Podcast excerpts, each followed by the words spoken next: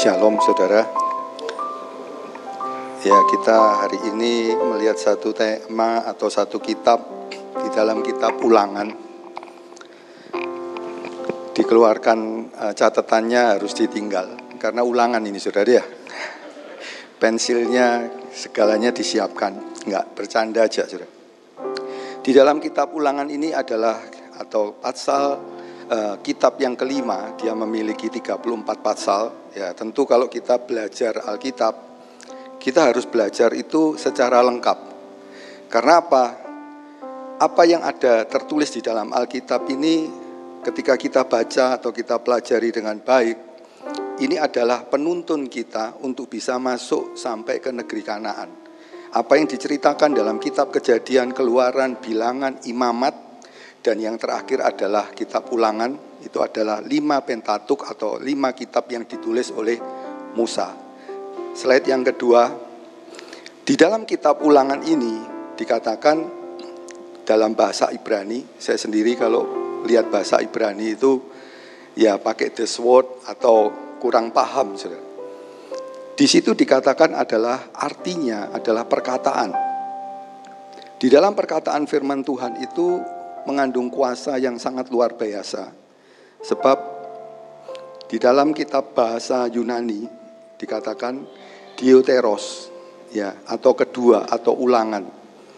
Kalau kita bertanya, kenapa sih kok disebut kitab ulangan? Ya, sesuai dengan namanya bahwa kitab ulangan ini sebenarnya adalah mengulang apa yang sudah dikerjakan oleh Tuhan, apa yang sudah dialami oleh bangsa Israel selama 40 tahun ketika mereka keluar dari negeri Mesir menuju ke Kanaan.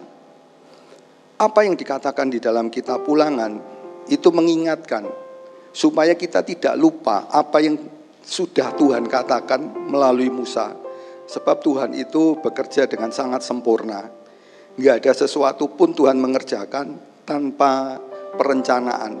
Kalau Tuhan membuat perencanaan itu sangat jauh, dunia ini memiliki perencanaan yang sangat maju. Mungkin orang berpikir apa yang terjadi lima tahun ke depan. Banyak orang sudah berpikir, wah nanti kita akan menikmati bagaimana dunia ini nggak lagi mengendarai kendaraan dengan eh, bensin, tetapi mengendarai dengan listrik. Tapi apakah sesimpel itu? Enggak, saudara. Berapa waktu yang lalu ada orang berpikir, ya ini agak keluar sedikit. Dalam perencanaan itu banyak hal yang indah. Bahkan presiden kita ketika membuat IKN, itu perencanaannya bukan hanya cuma jadi, ya udahlah ibu kota pindah begitu aja dari Jakarta pindah ke Kalimantan. Enggak, saudara. Perencanaannya mereka mengadakan atau merencanakan kendaraan listrik di sana. Artinya apa? Tidak boleh ada jalan yang banjir. Kalau di negara kita ada negara uh, jalan yang banjir, kalau hari-hari ini cerita tentang banjir, mobil listrik itu akan konsleting bahkan meledak. Jadi nggak mungkin.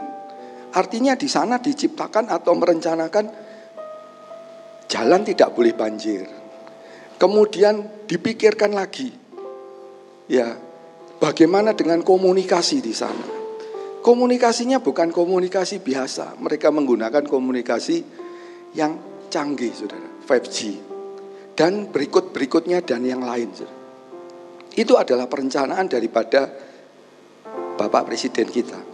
Tuhan merencanakan ketika membawa orang Israel itu keluar dari negeri Mesir, bukan untuk disiksa 40 tahun. Tuhan punya perencanaan yang sangat bagus. Sebenarnya itu bukan tujuan Tuhan atau rencana Tuhan untuk membawa orang Israel keluar dari Mesir, kemudian mereka berputar-putar selama 40 tahun. Dalam kitab keluaran saudara sudah belajar atau melihat bagaimana Tuhan itu bekerja untuk membawa keluar orang Israel dari negeri Mesir yang dijajah selama 400 tahun. Israel itu tinggal di Mesir atau dijajah selama 430 tahun. Dia keluar dari negeri Mesir itu 400 tahun. Itu terjadi bukan begitu saja, sudah dinubuatkan dalam kitab kejadian pasal 3 ayat yang kelima. Kalau kita berpikir secara akal, rasanya Tuhan itu nggak pernah bisa dimengerti karena akal kita yang terbatas. Saudara. Apa yang dikerjakan oleh Tuhan di dalam kitab ulangan slide berikutnya. Kita sudah lihat ya penulisnya tahu Musa. Ada ayat-ayat yang mendukung bahwa yang menulis itu adalah Musa. Kita juga harus mengerti dalam kitab ulangan ada 34 pasal. Jangan sampai nanti ulangan pasal berapa? Pasal 35, enggak ada saudara. Jadi paling tidak ketika kita baca, ketika kita pelajari sesuatu, paling sedikitlah pasal itu tahu. Mungkin kalau ayat masih bisa berbeda. Kata ini juga masih bisa berbeda. Mungkin dalam terjemahan lama dan terjemahan baru itu saja sudah beda katanya. Ada jumlahnya ya kurang lebih sekian. 28.461 kata. Next tema utama daripada kitab ulangan yaitu Taurat yang diberikan oleh Tuhan kepada Musa untuk disampaikan kepada orang Israel. Apa yang dikatakan oleh kitab ulangan ini, ini adalah hal-hal yang penting. Kenapa? Ketika Tuhan membawa orang Israel keluar dari Mesir, kemudian menuju Kanaan, itu masih melalui satu proses. Kadang dalam kehidupan kita ada proses yang seperti itu. Mungkin untuk menjalani proses nggak gampang, saudara. Berapa banyak ketika masuk kuliah semangatnya berapi-api. Wow, saya kuliah nih. Saya dulu kalau ke sekolah ya harus bawa buku diktat yang tebal-tebal. Sekarang kalau kuliah, saudara mau nggak bawa buku, saudara mau duduk-duduk saja, saudara nggak mencatat, nggak ada yang marahi saudara. Pokok begitu ujian saudara bisa kerjakan, ya udah selesai. Ada perbedaan. Tapi kenyataannya setelah berjalan setahun kadang-kadang masih enjoy. Sudah dua tahun, tiga tahun mulai, aduh kok capek ya. Begitu juga perjalanan orang Israel. Sebab itu Tuhan menuliskan kitab ulangan ini dan menceritakan atau memberitakan tentang Taurat itu diulang-ulang. Kenapa diulang? Apa nggak cukup sekali? Kalau Tuhan membuat kitab ulangan, artinya apa yang dikatakan oleh Tuhan itu penting, saudara. Bukan hanya cuma didengar, tetapi juga harus dimengerti. Setelah mengerti, baru dilakukan. Kalau orang cuma dengar, kemudian tidak mengerti, ya dia diem aja. Tapi kalau mengerti, dia akan mengerjakan dengan apa yang sudah dia dengar. Kemudian yang kedua, yaitu mengingat peristiwa yang terjadi pada generasi pertama. Kita mengerti ketika orang Israel keluar dari Mesir, digolongkan kalau mau dibagi menjadi dua, 20 tahun ke bawah, 20 tahun ke atas. 20 itu adalah batasan dalam kitab keluaran dikatakan orang yang bisa berperang. Laki-laki usia 20 tahun dia harus bisa perang. Itu adalah wasiat lama. Kalau dalam wasiat baru di dalam surat Korintus dijelaskan bahwa laki-laki itu dia bisa berperang secara rohani. Dia bisa mengalahkan musuh, bukan cuma menghadapi musuh, tapi dia bisa mengalahkan musuh. Kenapa ini terjadi? Dalam generasi pertama mengalami kegagalan. Herannya saudara, Ketika generasi ini dibawa keluar oleh Tuhan dari negeri Mesir, mereka melihat mujizat yang luar biasa. Sepuluh tulah itu turun. Dan mereka melihat dengan mata kepala sendiri. Generasi pertama melihat bagaimana air itu jadi darah, terjadi kata, dan terakhir adalah anak sulung mati. Itu dilihat dengan kepala sendiri, saudara. Kenapa mereka kok akhirnya Tuhan mengingatkan kembali Sebab generasi pertama ketika mereka keluar dari negeri Mesir, mereka mulai melihat perbedaan kehidupan. Ternyata di Mesir itu ada sesuatu yang menyenangkan. Enjoy di sana, walaupun disuruh menjadi budak. Disuruh untuk membangun kota Pitom dan Ramses.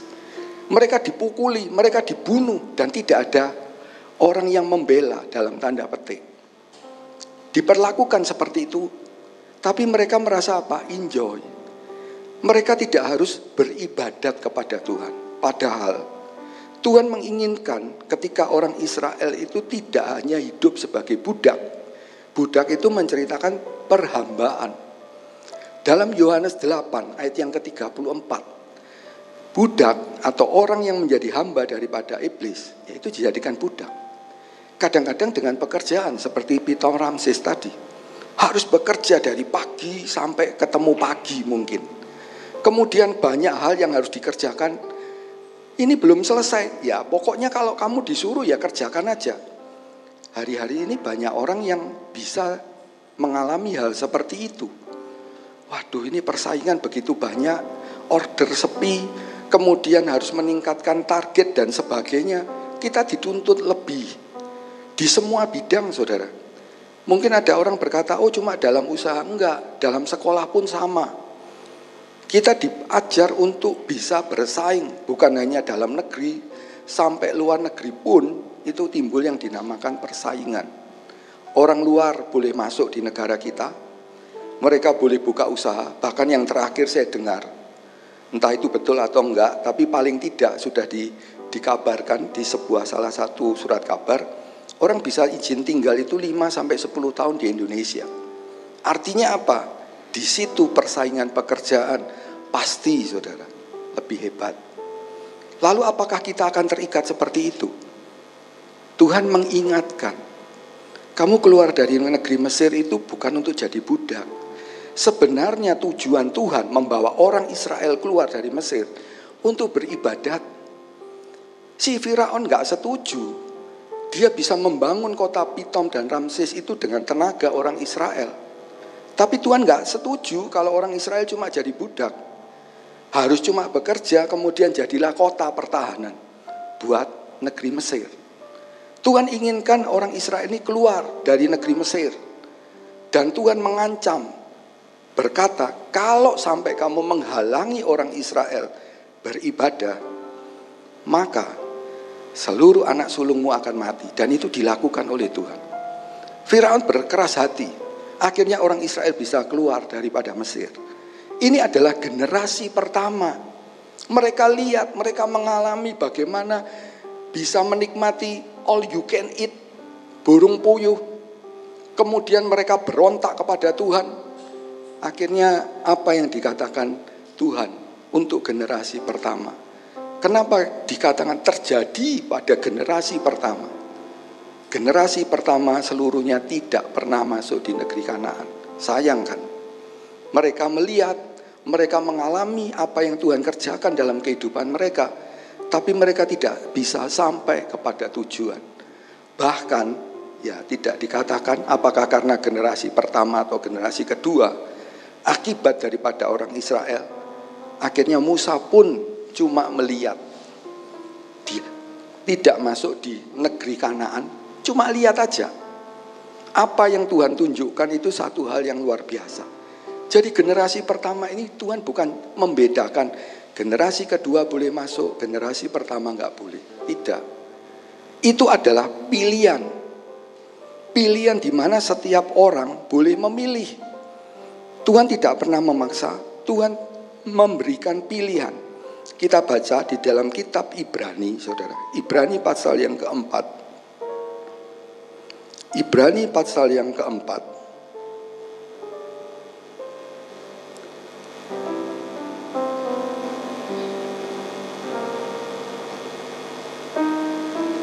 Ayat yang ketiga. Sebab kita yang beriman akan masuk ke tempat perhentian saya identikan dengan negeri Kanaan seperti yang ia katakan. Sehingga aku bersumpah dalam murkaku maka tak akan masuk ke tempat perhentianku sekalipun pekerjaannya sudah selesai sejak dunia dijadikan. Jadi ada orang-orang yang bisa masuk karena iman. Tapi ada orang yang tidak bisa masuk karena ketidaktaatan kita baca dalam Ibrani 4 ayat yang ke-6 Ibrani 4 ayat yang ke-6.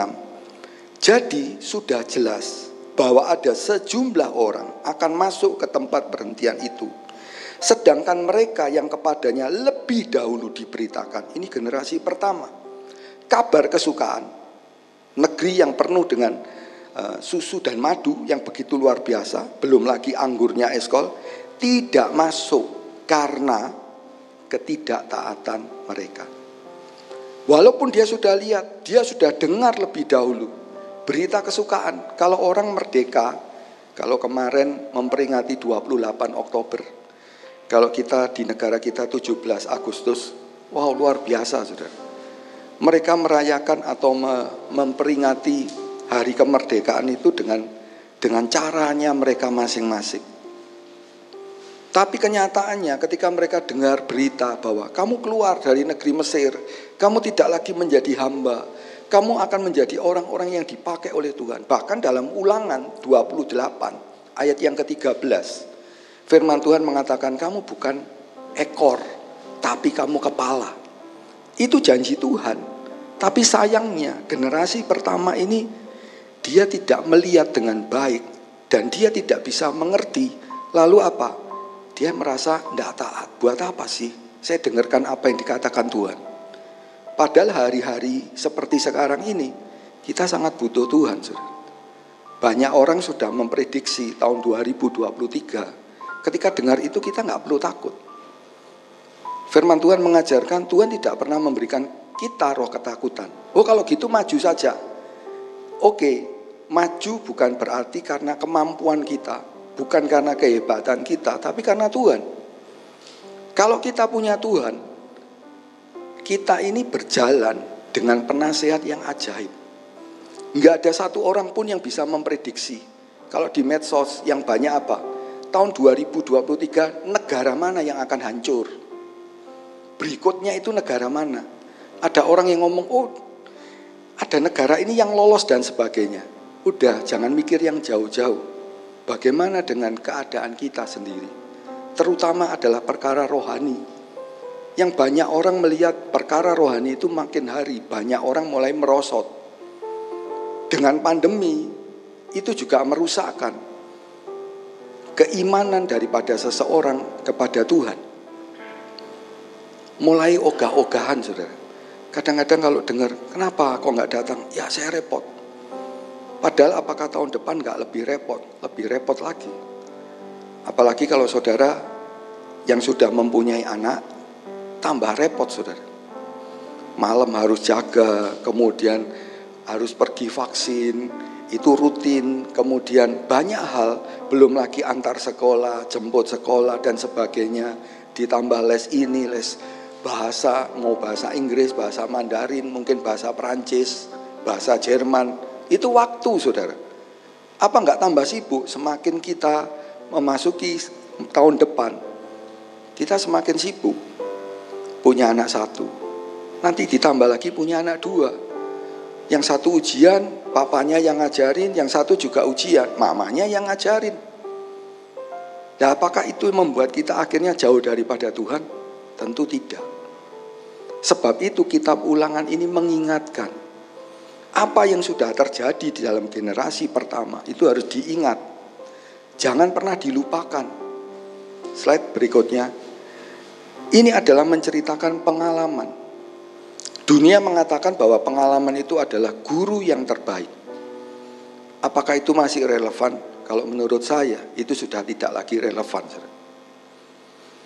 Enggak ada satu orang pun di dunia ini yang punya pengalaman mengalami pandemi COVID-19 yang hari-hari ini mulai meningkat. Di Singapura setiap hari ada 6.000 orang yang terjangkit. Di negara kita ada 3.000 orang yang terjangkit. Doa apakah itu membuat kita takut? Kembali lagi, nggak perlu takut. Kita ini punya Tuhan. Kita punya Tuhan yang betul-betul bisa memproteksi kita. Kalau memang itu harus dilakukan, lakukan aja. Tadi ketika naik Peter sempat ngomong, "Kok nanti kalau khotbah pakai masker atau enggak?" Saya ngomong, "Ya, nanti dilihat aja." Saya yakin kalau Tuhan itu bisa melindungi setiap kita. Tentu kalau pemerintah mengatakan, "Eh, kalau di luar pakai masker, pakai aja lah masker." Itu menandakan ketaatan kita dalam hal kecil. Lukas 16 ayat 10 mengatakan, kalau orang itu setia dalam perkara kecil, maka Tuhan akan memberikan perkara yang besar. Kalau perkara kecil saja nggak mau nurut, mau jadi perkara besar, nanti malah ngerepotin Tuhan. Oke, pengalaman ini harus jadi apa? Cuma tolak ukur dilihat aja. Dulu tahun kemarin saya ibadah saya seperti apa? Tahun 2022 ibadah saya seperti apa? Nanti di tahun 2023 kita sebenarnya sudah punya satu rencana. Mungkin ada yang punya rencana, ah tahun depan saya mau buka nih satu usaha. Doa apa mungkin? Kenapa enggak? Di dunia masih banyak hal yang terjadi. Mereka masih bisa bangun membangun karena firman Tuhan mengatakan dalam Lukas 17 kalau tidak salah ayat yang ke-28 mereka bangun membangun.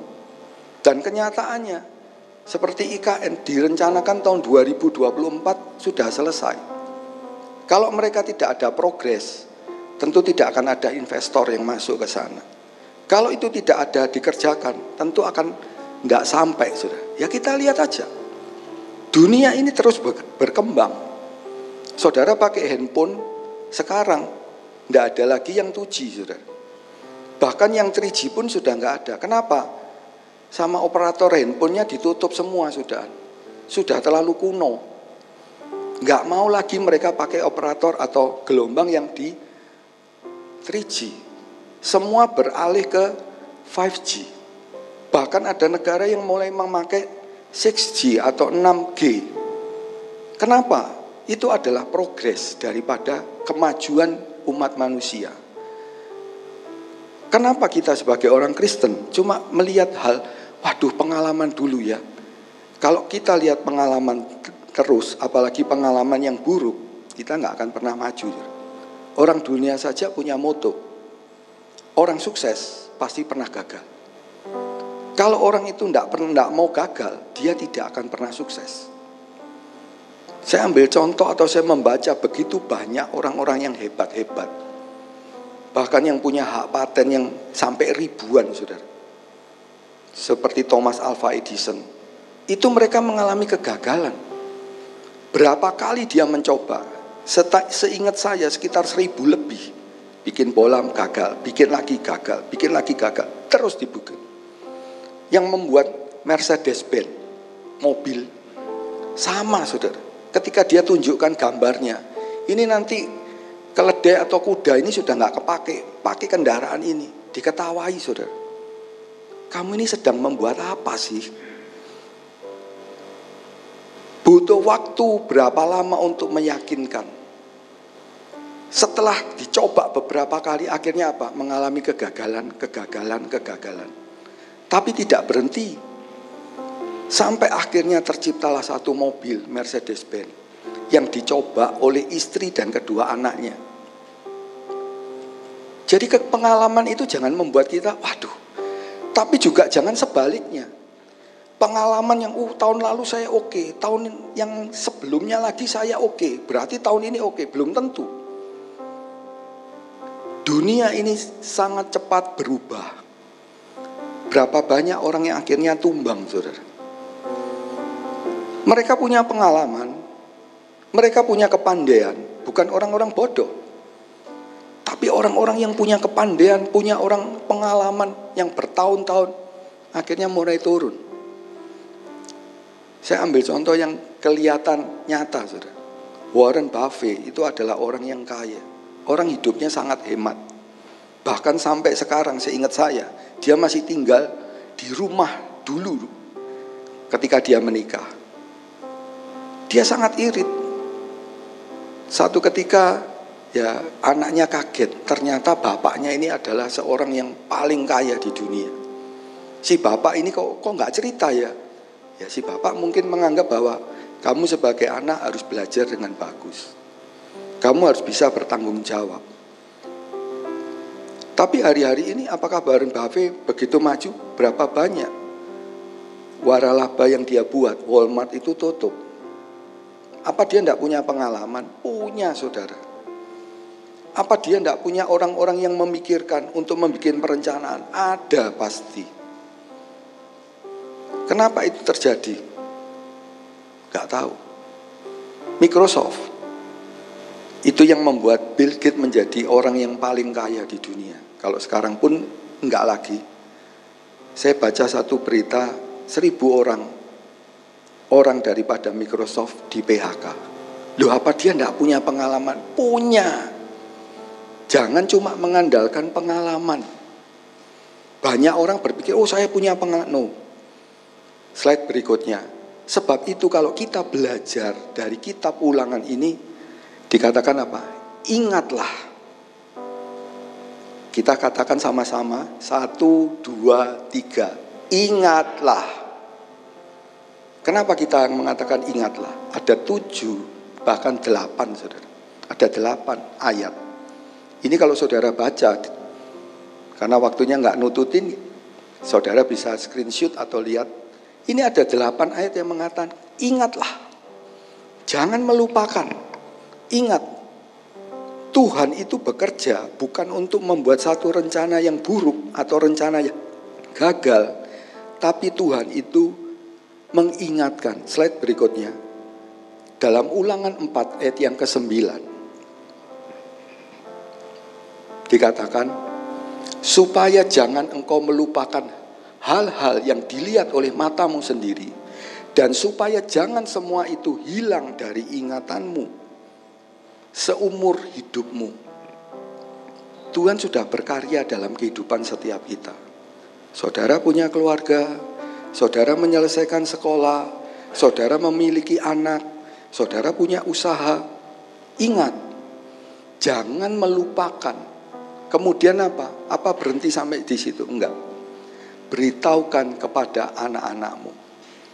Kenapa kitab ulangan dibuat? Generasi pertama habis, tidak masuk di negeri Kanaan. Generasi kedua, ini cerita, dapat cerita. Dari siapa?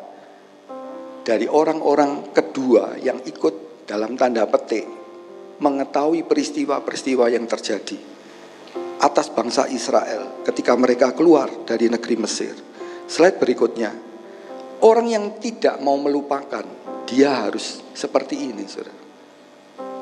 Merenungkan Taurat Tuhan itu siang dan malam. Seberapa banyak saat teduh kita sudah porak-poranda kena pandemi Seberapa banyak penyembahan kita kepada Tuhan sudah hilang. Sebab karena kesibukan. Kadang kalau orang berkata, wah kalau nyanyi itu yang yang tempatnya sepi, yang enak. Enggak saudara. Kalau buat saya, ya ini kembali lagi bukan saya egois. Saya memberikan contoh buat diri saya sendiri. Kalau saya, saya sudah nggak peduli. Kadang-kadang di kantor, di mana pun, kalau saya lagi setel lagu, Ya saya nggak setel yang kenceng-kenceng. Pokok paling enggak saya dengar. Saya nggak peduli apa yang terjadi di sekeliling saya. Pokok saya bisa menikmati lagu ini dan saya merasakan ya kesukaan. Kalau kita bisa melihat hal seperti itu, saudara bisa menikmati. Bukan hanya saya, saudara juga bisa. Karena kita punya hubungan yang sama dengan Tuhan. Kita punya Tuhan yang sama. Tuhan itu dengar. Ketika kita menaikkan pujian, ketika kita berdoa, ketika kita melihat bagaimana kehidupan kita mengalami kesengsaraan. Dalam kitab keluaran, Israel berseru, Tuhan itu dengar. Dikatakan di ayat itu, jeritanmu aku dengar. Lalu apa? Apa Tuhan cuma dilihat begini aja? Enggak. Tuhan bertindak. Saudara yang mengalami kesulitan, ingat kembali. Apakah kita sudah merenungkan firman Tuhan? Apakah kita sudah pegang firman Tuhan dengan baik? Bahkan slide berikutnya Mazmur 119 ayat 11. Firman itu sudah direnungkan, dimengerti, disimpan dalam hati. Orang yang seperti ini dalam Matius 13 ayat 23 akan berbuah 160 dan 30 kali ganda. Kenapa kok dibikin variasi seperti itu? Kenapa kok enggak semua 100 saja? Enggak tergantung cinta orang itu kepada kebenaran firman Tuhan itu seberapa. Semakin orang itu cinta kepada Tuhan, ya, buahnya akan banyak. Perenungannya kepada firman Tuhan juga lebih banyak. Kalau baca firman Tuhan itu menyenangkan. Sepandai-pandainya kita, kita kadang bertanya, Tuhan, kenapa seperti ini? Kadang kalau ada mengalami satu peristiwa, kita nggak bisa ngerti, saudara yang bisa kita katakan atau kita bisa mengatakan Tuhan itu hebat. Jangan pernah bisa atau berpikir seperti manusia untuk bisa menyamai Tuhan. Karena tidak akan mungkin hal itu terjadi. Sekarang manusia berusaha untuk menyamai Tuhan. Hujan, ada meteorologi. Ternyata juga tidak bisa menyamai Tuhan. Kenapa? Tingkat akurasi daripada meteorologi cuaca, seingat saya, sudah 80 sampai 90 persen. Kenapa kok nggak bisa 100 persen? Ya itulah manusia. Kalau Tuhan tidak pernah gagal. Dalam hal kecil Tuhan bisa tolong. Kalau kita pegang firman Tuhan, ke mana-mana apakah kita masih berdoa? Ketika kita makan, apakah kita masih berdoa, berterima kasih sama Tuhan? Kadang itu hal-hal yang kecil, tapi kita belajar untuk bisa melakukan apa yang sudah Tuhan tunjukkan. Ketika kita beribadah, punya kesempatan seperti hari ini beribadah, pakai ibadah itu dengan baik. Ketika pulang, kita dapat sesuatu daripada Tuhan. Kalau saya nyanyikan lagu, saudara, saya dapat sesuatu dari Tuhan, bukan karena oh ini saya dapat sesuatu, enggak, dari Tuhan. Ketika kita bisa berdoa dengan baik, kita punya hubungan baik dengan Tuhan, karena hidup kita suci di hadapan Tuhan. Kita bisa bersyukur. Mungkin ada perkara yang enggak enak, kita bisa melihat dalam perkara yang buruk pun Tuhan itu bisa bekerja. Kita sudah nggak bisa apa-apa berapa waktu yang lalu. Ini karena saya pergi dengan istri dan anak. Yang pertama, saudara, pada waktu pergi, seminggu sebelum pergi, istri saya berkata, kita jadi pergi enggak ya? Satu. Yang kedua, anak saya yang kedua lagi UAS. Anak saya berkata, ya terserah lah, mau pergi, pergi enggak, ya enggak. Tapi saya ngotot, saudara. Saya ngomong gini, awalnya kalau enggak pergi, ya digantikan oleh kakak daripada istri saya. Dia akan hadir karena waktu pergi anak saya tidak saya antar, ini sudah wisuda. Singkat cerita saya ngomong, enggak, saya akan tetap pergi. Bukan karena kita bermusuhan atau enggak enak, enggak. Saya merasa bertanggung jawab sebagai seorang bapak, sudah. Enggak, saya akan pergi. Lalu saya minta tanda kepada Tuhan. Tuhan, ini pandemi itu naik terus Tuhan. Saya minta tanda kalau waktu saya pergi jumlah yang kena pandemi itu akan turun. Yang bisa ngerjakan itu siapa sudah? Ya bukan saya. Ketika saya pergi jumlah orang yang terinfeksi pandemi itu sekitar seribu. Saya berangkat sudah. Kemudian berikutnya akhirnya istri dan anak saya berangkat. Ya udah, sudah selesai bla bla bla bla bla di sana berjalan dengan baik. Ketika pulang, kita sudah merasa, wow, akhirnya kita pulang. Ketika pulang, saudara, ada satu hal yang terjadi. Yang pertama, tiga koper, kan kita boleh bawa dua-dua. Tiga koper itu enggak masuk di Surabaya, dipending di Singapura. Karena apa? Penerbangannya cuma beda satu jam. Ketika dengar itu ngelihat gitu, ya udah, kita nggak bisa apa-apa. Mau apa? Santai aja, Oke, saya datang hari Sabtu, hari Minggu koper itu dikirim ke rumah. Tiga koper. Yang membuat saya kaget dan saya merasa, wow Tuhan itu luar biasa. Ada satu koper, saudara. Saya tidak mempersalahkan siapa-siapa, karena justru dari itu saya bisa melihat satu koper itu tidak terkunci. Jadi begitu dibuka, ceklak, klak, langsung buka. Lalu dalam benak saya selanjutnya gini, ya sudahlah. Kalaupun memang harus hilang, ya biarlah hilang. Karena tidak bisa berbuat apa-apa. Ternyata ketika saya buka, tidak ada satupun yang hilang. Selama perjalanan begitu jauh, pertama, kalau koper itu buka, semburatan ke mana-mana sudah nggak ada yang peduli. Yang kedua, kalau diambil orang pun, saya sudah nggak bisa komplain. Sudah. Kalau Tuhan bekerja, saya cuma ngomong ke istri saya, wow Tuhan itu hebat.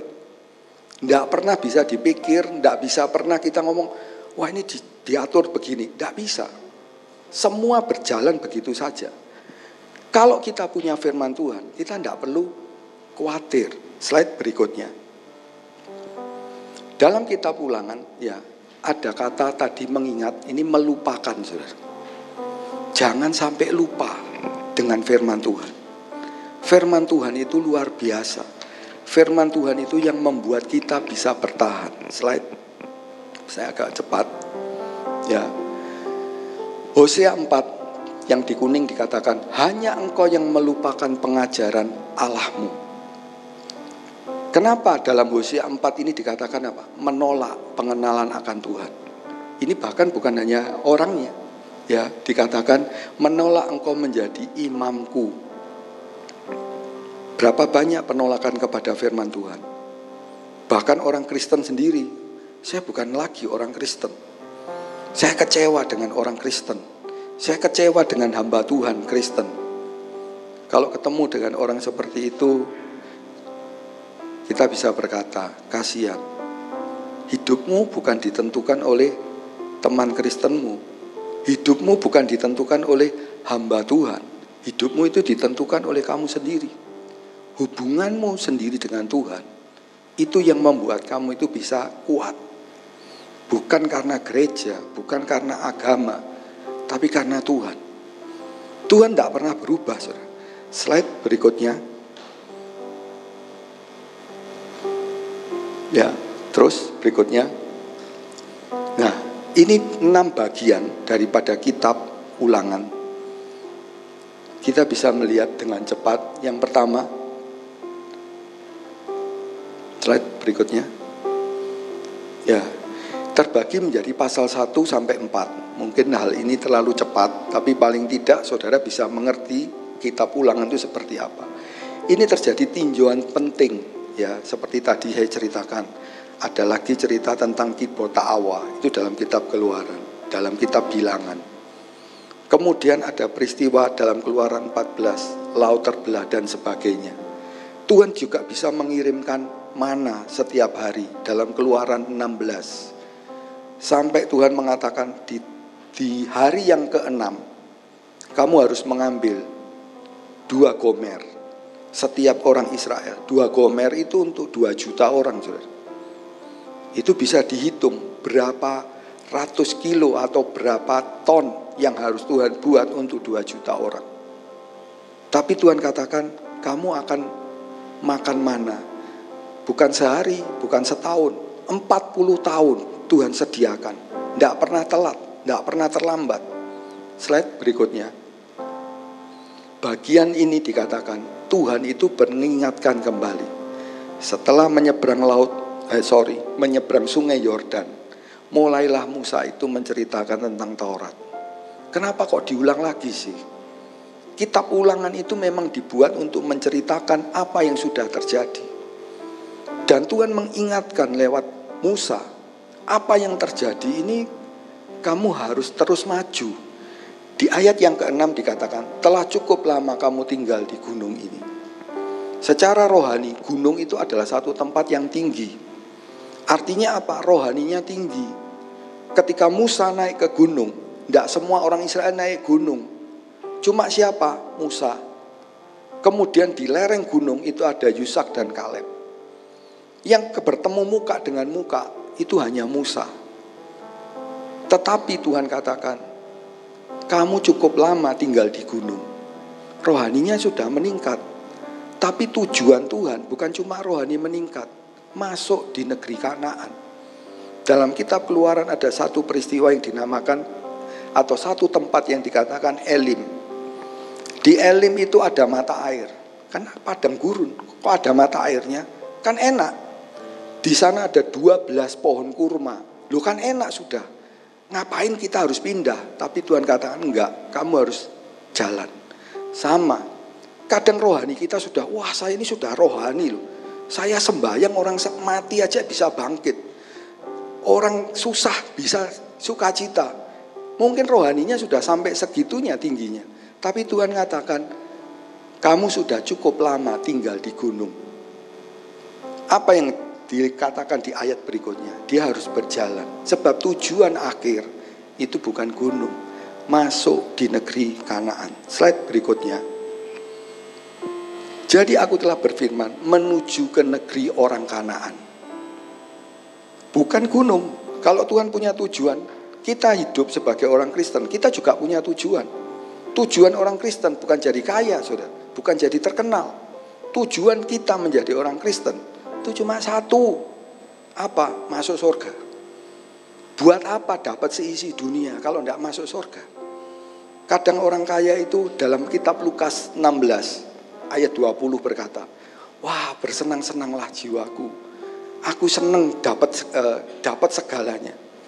Tapi Tuhan katakan buat apa? Kamu malam ini lo mati. Kalau malam ini mati buat apa? Dalam Daniel pasal yang kelima Raja Darius. Seorang raja Kemudian tangan Tuhan menulis di dinding, menai-menai tekel urfasim.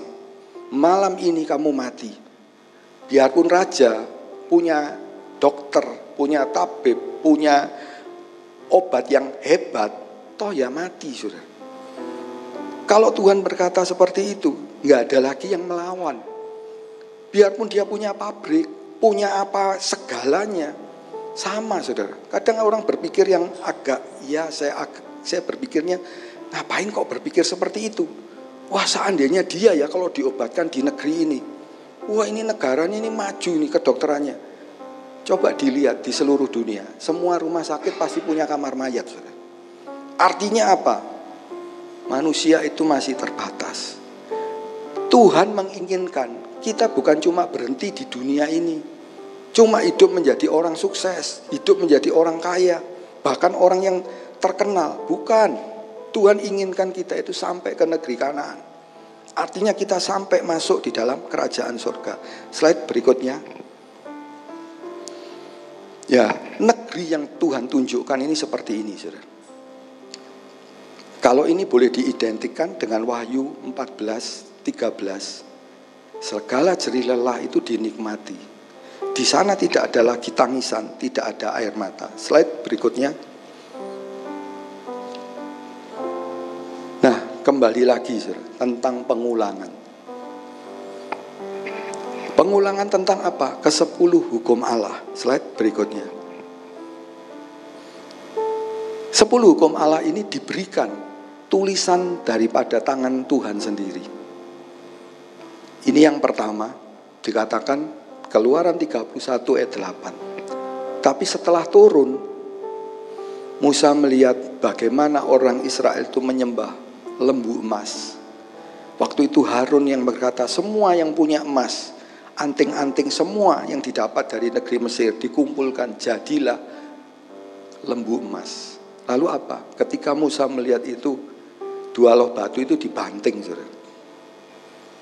Setelah dibanting, pecah. Lalu Tuhan ngomong, kamu bikin lagi dua loh batu. Kemudian Tuhan sendiri lagi yang menulis. Coba kalau Tuhan keras saudara. Ini saya nulis sendiri kok dibanting, menghina kah? Musa langsung mati orang Israel semua tidak masuk kanaan saudara. Tuhan masih memberikan kesempatan kedua. Udah kamu bikin batu, nanti saya menulis lagi. Ini diceritakan dalam kitab keluaran lagi. Tapi dalam kitab ulangan, dia cuma dikatakan apa? Diberitakan lagi, diulangi lagi. Bahkan dalam kitab ulangan dikatakan ada tujuh tahun. Itu akan dibacakan kembali. Kitab Taurat itu seperti apa. Itu pentingnya kitab ulangan. Sudah. Terus berikutnya. Nah, kitab ulangan ini dalam pasal yang ketiga dipelajari. Kemudian apa? Untuk ditaati, bukan cuma dijadi bahan pembacaan. Ya sudahlah saya baca Alpet, selesai. Bahkan ada yang lebih cepat lagi sekarang. Oh Alpet kitab ulangan saya selesai tiga hari. Loh kok bisa? Diputerin kaset sudah. Atau MP3 dengerin ini. Ulangan pasal 1, ulangan pasal 2, pasal 3, 4. Wah sudah setengah jam selesai. Tapi Tuhan katakan apa? Harus dipelajari ulang. Yang kita dapatkan daripada Tuhan, jangan pernah dilupakan. Tadi ayat tadi mengatakan seumur hidup Selama kita masih hidup jangan dilupakan. Terus berikutnya, orang yang mengulang dikatakan orang yang cinta itu bisa apa? Mendahului waktu jaga mal, pagi untuk jaga malam. Pada waktu pagi sudah baca firman. Di gereja kita ada doa subuh, Saudara. ya jam 5 seperempat ya ada beberapa saudara juga sudah ikut terlibat di sana. Tujuannya apa? Apakah pada waktu itu wah saya lagi tugas nih saya sungguh-sungguh. Enggak. Tuhan melihat itu hati. Bukan untuk dilihat orang. Dalam 1 Samuel 16 ayat yang ketujuh Tuhan itu melihat hati bukan melihat yang lain. Kalau orang itu cinta dia bisa melakukan segala hal. Bahkan Tuhan menunjukkan dia itu mencintai kita sebagai anak-anaknya lebih dari segalanya. Dia mau mati buat kita. Itu bukti daripada Tuhan mencintai kita. Sekarang apakah kita betul-betul mencintai Tuhan? Dengan cara apa? Kita rindu dengan kebenaran firman Tuhan. Setelah kita merenungkan, kita tahu slide berikutnya, kita harus menjadi pelaku firman Tuhan. Firman itu bukan cuma didengar dan dimengerti, tapi firman Tuhan itu harus dilakukan. Ketika itu dilakukan, maka terjadi sesuatu di dalam kehidupan kita. Ketika orang Israel, ketika disuruh keluar dari negeri Mesir, itu perintahnya juga tegas dan cepat. Malam ini kamu harus keluar dari negeri Mesir. Malam ini saudara. Mungkin ada yang ngomong kok malam-malam sih, kok nggak mau subuh-subuh atau pagi-pagi aja kan lebih enak. Tuhan mengatakan malam ini kamu keluar. Ya sudah keluar aja. Kadang-kadang seperti Yusuf dan Maria. Malam ini kamu harus keluar. Supaya tidak terjadi pembunuhan atas bayi Yesus. Malam saudara. Kadang untuk keluar malam itu males. Aduh capek, ini waktunya tidur. Tapi Tuhan katakan enggak. Orang yang mau melakukan itu adalah orang yang taat. Coba kalau Yusuf, aduh capek, saya kemarin dapat pesanan. Kan dikatakan apa? Tukang kayu lah. Ini pesanannya banyak ini. Saya capek, sudahlah Tuhan besok aja. Sebentar aja Tuhan. Enggak. Malam itu Yusuf sudah tidak pakai menawar, saudara. Orang Israel juga tidak boleh menawar. Oh nanti aja, sebentar lagi aja. Enggak. Itu orang yang mau taat. Dia sudah tidak lagi mau memperdulikan ada alasan apa pun dia tidak mau. Slide berikutnya. Kitab Ulangan bagian 27 dan 30. Israel di sini diperhadapkan berkat dan kutuk. Slide berikutnya. Ini contoh entah benar atau enggak, tapi saya ngelihatnya begini saudara. Ada dua gunung yang Tuhan tunjukkan, yaitu Ebal dan Gerisim. Ebal itu adalah kutukan. Kenapa terjadi kutukan? Karena orang itu tidak mau taat. Ini di pasal yang ke-27 sampai 30. Kalau ini tepatnya di pasal yang ke-28. Tuhan memberikan pilihan. Kamu mau pilih mana? Mau pilih Gerisim atau Ebal? Kalau mau milih Gerisim, itu ada catatan yang ditulis di sana. Kamu harus taat dengan firman Tuhan. Kamu harus dengar dengan baik. Itu hal-hal yang harus dimengerti. Kalau orang tidak mengerti, dia tidak akan bisa melakukan. Kadang ada orang yang ngotot, ayo kita pelayanan. Dalam Rum pasal 10 ayat 1 dikatakan, orang yang ngotot tanpa pengertian, itu juga nggak bagus. Kita bisa mengerti bukan karena kita hebat, tapi karena memang kita melihat firman Tuhan itu, lalu kita minta sama Tuhan, Tuhan bukakan kebenaran firman-Mu Tuhan, buat hidup saya Tuhan. Pemasmur sering kali menulis, tunjukkan jalan mana yang harus saya lalui tunjukkan apa yang harus saya kerjakan. Itu pemasmur. Kenapa pemasmur seperti itu? Karena dia cinta sama firman Tuhan dan dia mau melakukan apa pun dilakukan.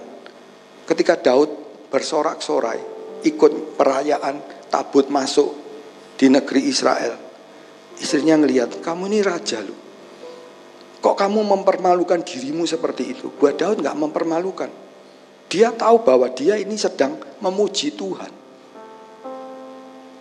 Dan Daud tidak pernah takut kehilangan kedudukannya sebagai seorang raja.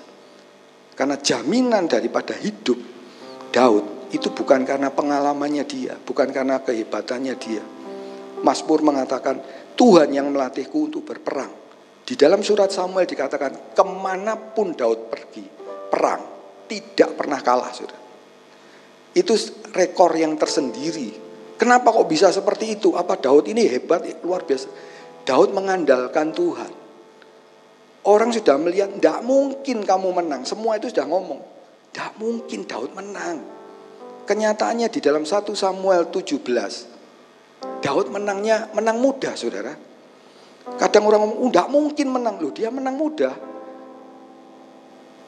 Kenapa? Apa karena kedua Daud? Bukan, karena Tuhan. Buat Tuhan untuk membuat Goliat itu mati. Seperti tekan tombol, saudara. Kalau sekarang sudah nggak tekan tombol, Ya, saudara tinggal ngomong aja bisa mati lampu ini, saudara. Kita ngomong turn off lamp, mati lampunya, saudara. Zaman sekarang seperti itu. Saudara mau menghidupkan audio, Netflix atau apa pun, saudara tinggal ngomong aja.